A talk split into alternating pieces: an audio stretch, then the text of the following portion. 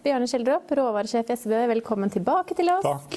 I dag stiger oljeprisen, og vi er nå oppe på 57 dollar på Brenten. Hva er det som driver oljeprisen opp akkurat nå?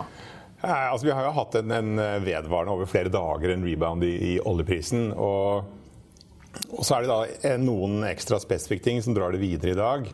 Eh, blant annet så er det nyheter om at, at, de små kinesiske private raffineriene, såkalte teapot refineries, at de har gått ut når prisen falt på det meste. Så gikk de ut og bare kjøpte fysiske laster med levering i mars-april, som de da fikk på, på billigsalg i deres syn. Så dermed så har de da fjernet mye av overskudd av båter som man ventet skulle komme til Asia og bli liggende i opplag i Singapore de kommende månedene.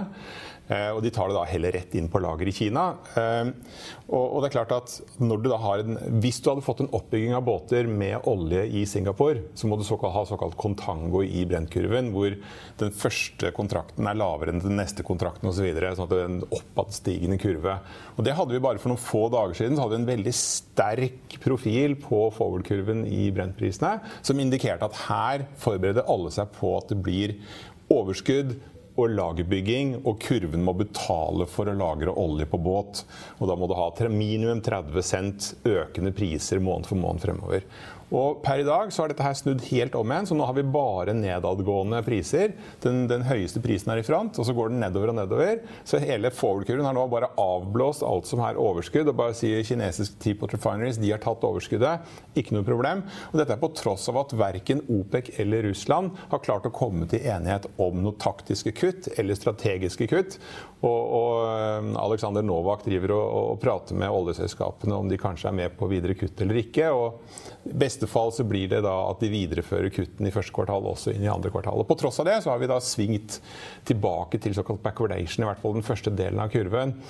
Um, og det er klart at når du har backwardation i kurven, så kan du sitte og rulle kontraktene. Så du eier første kontrakten, og så selger du den. Så kjøper du andre kontrakten billigere, og så eier du den til den ruller opp til første kontrakten osv. Da får du hele tiden en sånn positiv uh, men, men, Bortsett fra de kjempevanskelige tingene som du snakker om men ho hovedinntrykket er jo nå da at sentrale aktører, også megleranalytikere og IEA, sier at det blir mindre behov for olje i 2020. Absolutt. absolutt. Og, og IA var jo ute denne uken og sa at uh, konsumet i verden fra første kvartal 2019 til første kvartal 2020 kommer til å falle med en halv million fat. Det er deres estimater. Og hvis det blir én million fat, så er det enda verre. Ja, og vi, vi, så jo da at liksom oil majors i Kina var jo da ute for vel bare en uke siden og sa at konsumet i Kina kommer til å falle med 20-25 i februar. Ja, noen mente det allerede var ned 30 ja, ja, ikke sant? Og at raffineriene gikk bare på halv fart. Og, og, og da skal oljeprisen falle? Ja, altså det er, liksom, det er utrolig motstridende signaler, dette her. Så det er, altså dette er jo virkelig en stor overraskelse at hele kurven har svingt til backwardation. Og så lurer man på er det da markedet som er da alt, alt, altfor optimistisk altfor tidlig. Og, og, jeg synes at når vi ser på ekspertuttalelsene, så er det ikke overhodet noe sånn tydelighet på at, at uh, covid-19-virusutbruddet uh, at det er liksom uh, under kontroll. Da, når du sier covid-19, da snakker vi ja. det vi andre kaller sånn koronaviruset. Ja. Og, og, man har jo Det er jo helt klart at det har effekt på Kina, som har mer eller mindre stengt uh, grensen for inn- og uttransport, i hvert fall med fly, og innad i landet også mellom de ulike regionene. En region som ikke er så smittet, skal i hvert fall ikke ha med en smittet region å gjøre. Og det er jo veldig mye politikk i dette smitte... Ja, absolutt. Og, og jeg leser jo masse om det. og det er fryktelig vanskelig å liksom danne seg en, en, svært sterk mening om at dette her er under kontroll. Og du da har da eh, vestlige eksperter som sier at det er sikkert bare 10% av de offisielle statistikken som er den virkelige statistikken. Det betyr at egentlig så har du da 500 000 som har fått viruset, snarere enn 50 000-60 000. Men, men, eh, hva er da dødsraten for disse 500 000? Det vet vi jo heller ikke. ikke så det er fortsatt et veldig utydelig bilde, og det ser vi også at Verdens helseorganisasjon er heller ikke liksom overbevist om at dette her nødvendigvis må gå bra eller skal skal gå bra, og de sier One size fits all seemed like a good idea for clothes. Nice dress. Uh, it's a t-shirt. Until you tried it on. Same goes for your healthcare. That's why United Healthcare offers a variety of flexible, budget friendly coverage for medical, vision, dental, and more. So, whether you're between jobs, coming off a parent's plan, or even missed open enrollment, you can find the plan that fits you best. Find out more about United Healthcare coverage at uh1.com. That's uh1.com. Hiring for your small business? If you're not looking for professionals on LinkedIn, you're looking in the wrong place. That's like looking for your car keys in a fish tank.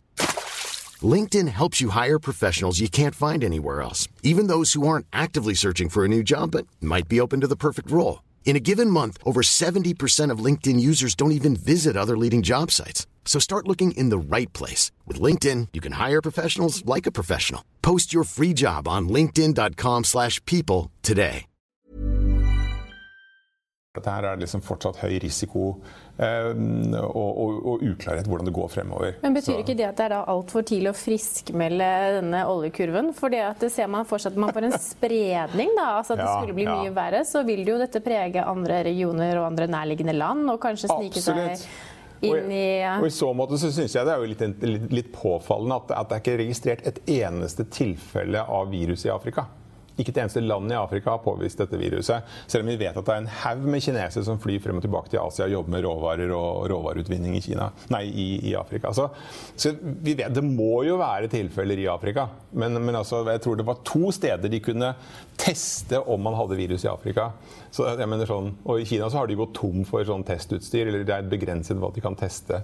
Og, og, i dette, denne, dette smittehysteriet så får man jo da høre eksperter som sier at dette kommer hele verden på et eller annet tidspunkt til å få, mens andre sier at det snart vil være under kontroll. Og så peker de på at det finnes en rekke andre virus der ute som man ja, ja. også skal være redd for. Ja, og Det har jo vært masse diskusjon frem og tilbake. Er dette egentlig bare et, et vanlig influensavirus? med vanlig dødelighet i forhold til vanlig influensavirus, hvor det da dreper altså Det var vel influensaen i år hadde tatt livet av 12 000 amerikanere eller noe sånt. da.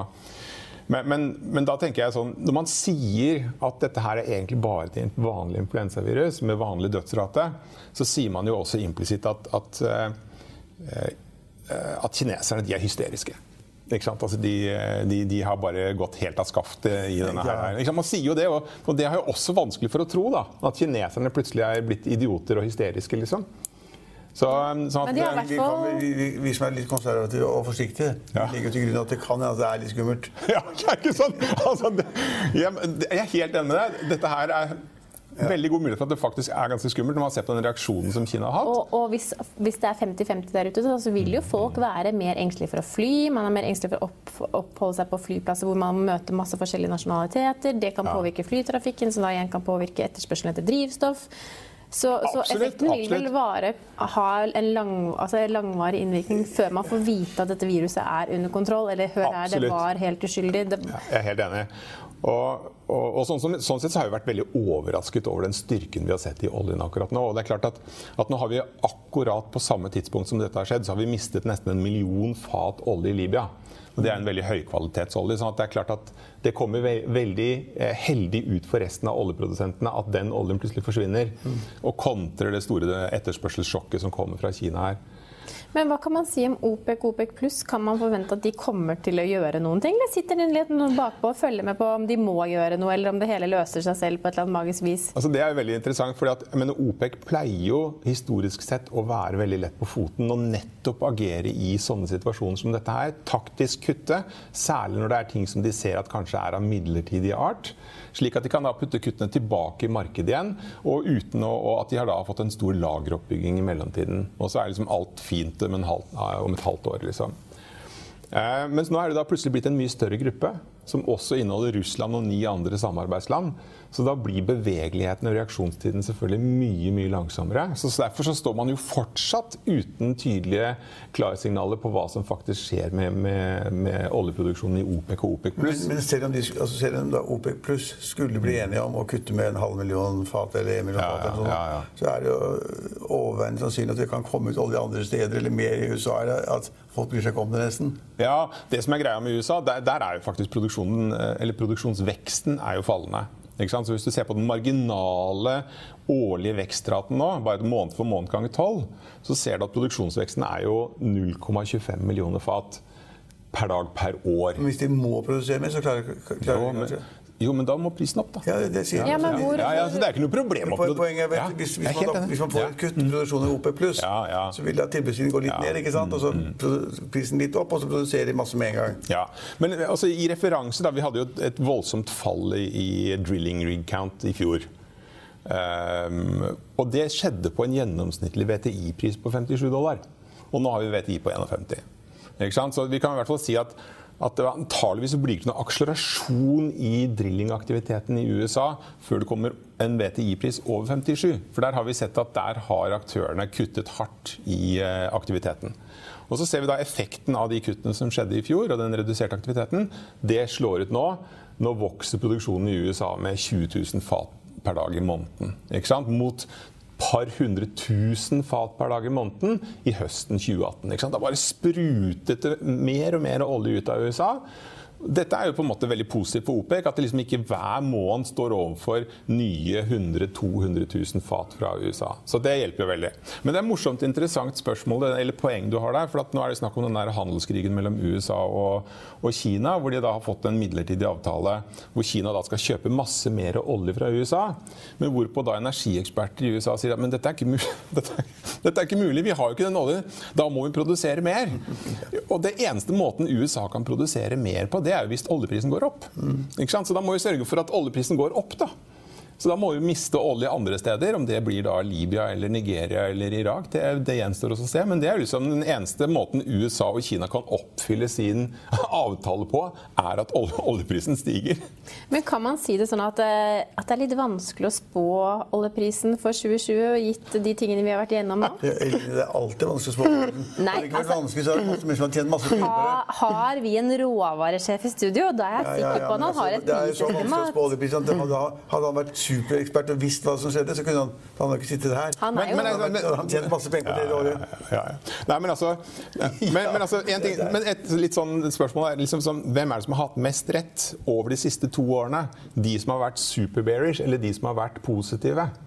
Og, og da kan vi si at Brentprisen har levert på 68 dollar i snitt over de siste to årene.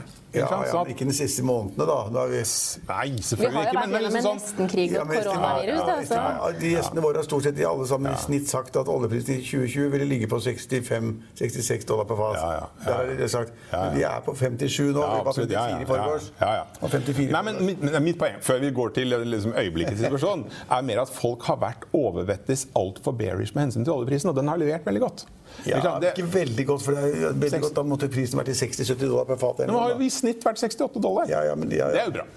Det er bra. Altså, hvis det hadde hatt 68 Trygve, Vi kommer oss ikke tilbake til den gullalderen som vi alle husker. Nei, jeg, jeg, jeg er skeptisk. Jeg tror det er så mulig å produsere, så mye mer. Så jeg liksom Vi hører jo om nedsiderisiko liksom, nedsiderisiko ned til 40 dollar og vel så det Absolutt. Men liksom, faktum er liksom at vi har hatt 68 dollar over de siste to årene. Det er et faktum. Ja, og det er en bra pris. Men, men, la oss komme tilbake til ja, la oss, ja, Men altså, det vi kan si om oljemarkedet, er jo at liksom, det blir i hvert fall aldri kjedelig. og, og, og, da kan du si at liksom sånn, Normalt sett så svinger førstemånedskontrakten 35 dollar mellom høy og lav. Og så langt i år så har vi da vært et spenn på 53 til 72. Sånn vi, vi, har jo da eh, rundt 20 dollar. sånn at Egentlig så har vi ikke hatt stort nok spenn for å dekke det vi burde forvente i året som kommer. Så vi skal antageligvis enda lavere ned og enda høyere opp før året er over. Men, men, sier historiestatistikk. Men for å ta et eksempel på da, ja. går tilbake til børsen og aksjeselskaper. Vistin Pharma var et farmasiselskap. Unnskyld. Mm. Så da i fjor plutselig ble da oljetradingselskap. Og da er en oljeekspert som ikke er der lenger nå, da, men nå er han øh, Han er plukket opp av en annen oljeekspert? Ja, ja, nå er han, øh, nå er han Hos Røkke. Eh, de, de, ble vel det allerede i 2018, faktisk. Okay, men i fall, de spekket da i oljeprisen på en eller annen måte som ikke har skjønt engang. Altså, det var ikke oljeprisens absolutte tall, men det var liksom relativer, relativer akkurat mellom olje, forskjellige oljekvaliteter eller typer. Mm. Og, det, og da bomma de helt. Og så avviklet de da oljetradingen og er tilbake til farmasi eller noe sånt nå. Ja. Hvis man tror hvor vanskelig det er, da. Absolutt. Men absolutt, også, og så har jo da man gått og ventet på at IMO 2020 skal bare gi en sånn boom i etterspørselen, ja. og så har jo ikke det kommet. Nei, ikke sant? og det, er jo, altså, det var mye skrik og lite ull, for å si det sånn. Um, og, og, det var en, en, stor eh, overraskelse også for oss, at det, liksom, det har ikke slått ut nevnverdig. For et par år siden så nevnte analytikere oljepriser opp i 100 dollar altså på IMO 2020. Absolutt, men det, det nevner de jo alltid. Av og til. er det sant? men her spekket de noe helt annet. De spekket ja, ja, ja. En, en, differanse på to forskjellige oljetyper. Med, med, høy svovel og lav svovel. Lav svovel de to, men brennolje er jo en type Fikk de Spetalen med, som er en perfekte trader og kunnskapsrik og tøff som var det.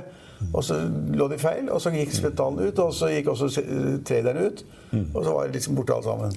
Det viser hvor vanskelig det er. Ja, men, og det viser jo også liksom hvordan markedene blir mer og mer gjennomanalysert. Du ser jo også hvordan hedgefondene sliter mer og mer med å få en, en over eh, markedet avkastning. Og det er jo fordi at liksom sånn, når de begynte med hedgefond for, eh, for mange mange år siden, så var jo ikke markedene gjennomanalysert på en sånn bred basis på samme måte. Og da var det penger på bordet som, som de kunne hente inn. Men det er klart at det er langt, eh, langt vanskeligere nå. Men, men olje- oljemarkedet har jo svingt vanvittig fra på en måte eh, redsel for, for mangel på olje med, med drapet, amerikanske drapet på den iranske generalen i, i Bagdad. Tidlig på året oljeprisen opp i 72 dollar, og så rett ned i 53 nå på, på dette viruset. Sånn at det, det svinger voldsomt. Men har du estimatet ditt for 2020 er på 60. brent 60? Ja. Ja. Det betyr at vi er ikke så langt unna litt høyere pris innom måneder og litt lavere pris innom måneder, så er det på 60 da. Men, men de som sier 66-68 da? Planning for your next trip? Elevate your travel style with Quince. Quince has all the jet setting essentials you'll want for your next getaway, like European linen, premium luggage options, buttery soft Italian leather bags, and so much more. And it's all priced at 50 to 80% less than similar brands. Plus, Quince only works with factories that use safe and ethical manufacturing practices. Pack your bags with high-quality essentials you'll be wearing for vacations to come with Quince. Go to quince.com slash trip for free shipping and 365-day returns. Det, det sa de sier ikke lenger. Det er sikkert justert ja, 63 eller jo. 62 år. Nei, men sant, Virkeligheten endrer seg hele tiden, verden endrer seg hele tiden. og det er klart at Nå har vi en mye svakere oljeetterspørselssituasjon enn enn det som, eh, som man startet eh, året med. og Nå ligger vel IA har vi et estimat på at konsumveksten år for år bare øker med 0,9 millioner fat, mot 1 million fat i fjor. Og normal type 1,3% eller 1,3 millioner fat. Historisk snitt. da, Og så smitter da, altså den Oljeprisen er jo så interessant, for ikke bare på selskapene innen olje og oljeservice, men smitter den på tankmar tankmarkedet. At Hvis det er mindre behov for olje, og du kjøper mindre olje, og oljeprisen faller fordi at liksom det er ingen som kjøper olje, så blir det færre, mindre behov for tankskip, og så faller ratene fra 100 000 dollar til 13 000 dollar i løpet av tre uker. eller noe sånt. Ja, ja, de har- de har kollapset hurtig. Tankmarkedet Ja. kollapset også. Så dette er jo superspennende og viktig for så mye av norsk altså business. Men altså, det, er veldig, det er veldig mange prognoser som kan være ganske positive for tankmarkedet hvis du ser over de nærmeste årene. Hvis du skal ha enda mer olje ut av USA for å oppfylle avtalen mellom USA og Kina, så er det lang transport fra USA til Kina. Ja, ja. Men, altså, men, men markedet ramla sammen. For det er, Ja, ja, men det ramler jo sammen eh, annenhver uke, det der tankemarkedet. Ja, Altså, volatiliteten er jo sinnssykt høy i, i tankratemarkedene. Så vi kan forvente oss også mer volatilitet i oljemarkedet den kommende tiden?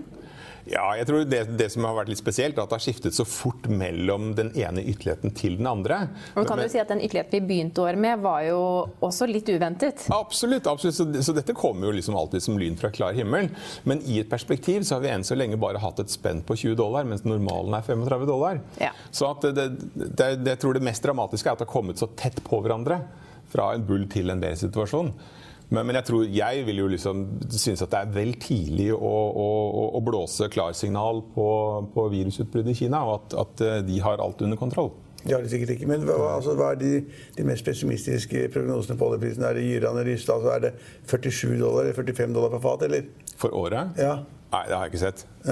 Hva er det mest pessimistiske du har sett? Du, Ja, jeg har sett vært på at eh, det har vært amerikanske meglere som har vært ute og nevnt at vi kan komme ned i 41 til 47 dollar på brent ved, ved at, at ringvirkningene i Ja, ja, ja. av eh, Men så er spørsmålet er, men det er ikke det samme som at de har en snitt for året Nei. på et par og 40 eller 45. Ikke sant? Så og det er det helt at de klart kan at se 45 eller 41 eller 47 i løpet av de kommende månedene, ut, avhengig av hvordan ting utvikler seg, det er ikke Ja. utenkelig. Nei, ikke sant? Da, Hvis du er nede på 45, da, og så har du hatt 70 tidligere i år, da har du disse 35, da. Det er det vi Så, så, sånn sett så høres jo det veldig Det høres ut ut. som det er det vi kommer tilbake til, Bjørne. Tusen takk for at du kunne være gjest hos oss i dag. Økonominyhetene er en podkast fra Finansavisen. Programledere er Marius Lorentzen, Stein Ove Haugen og Benedikte Storm Bamvik. Produsenter er Lars Brenden Skram og Bashar Johar. Og ansvarlig redaktør er Trygve Hegnar.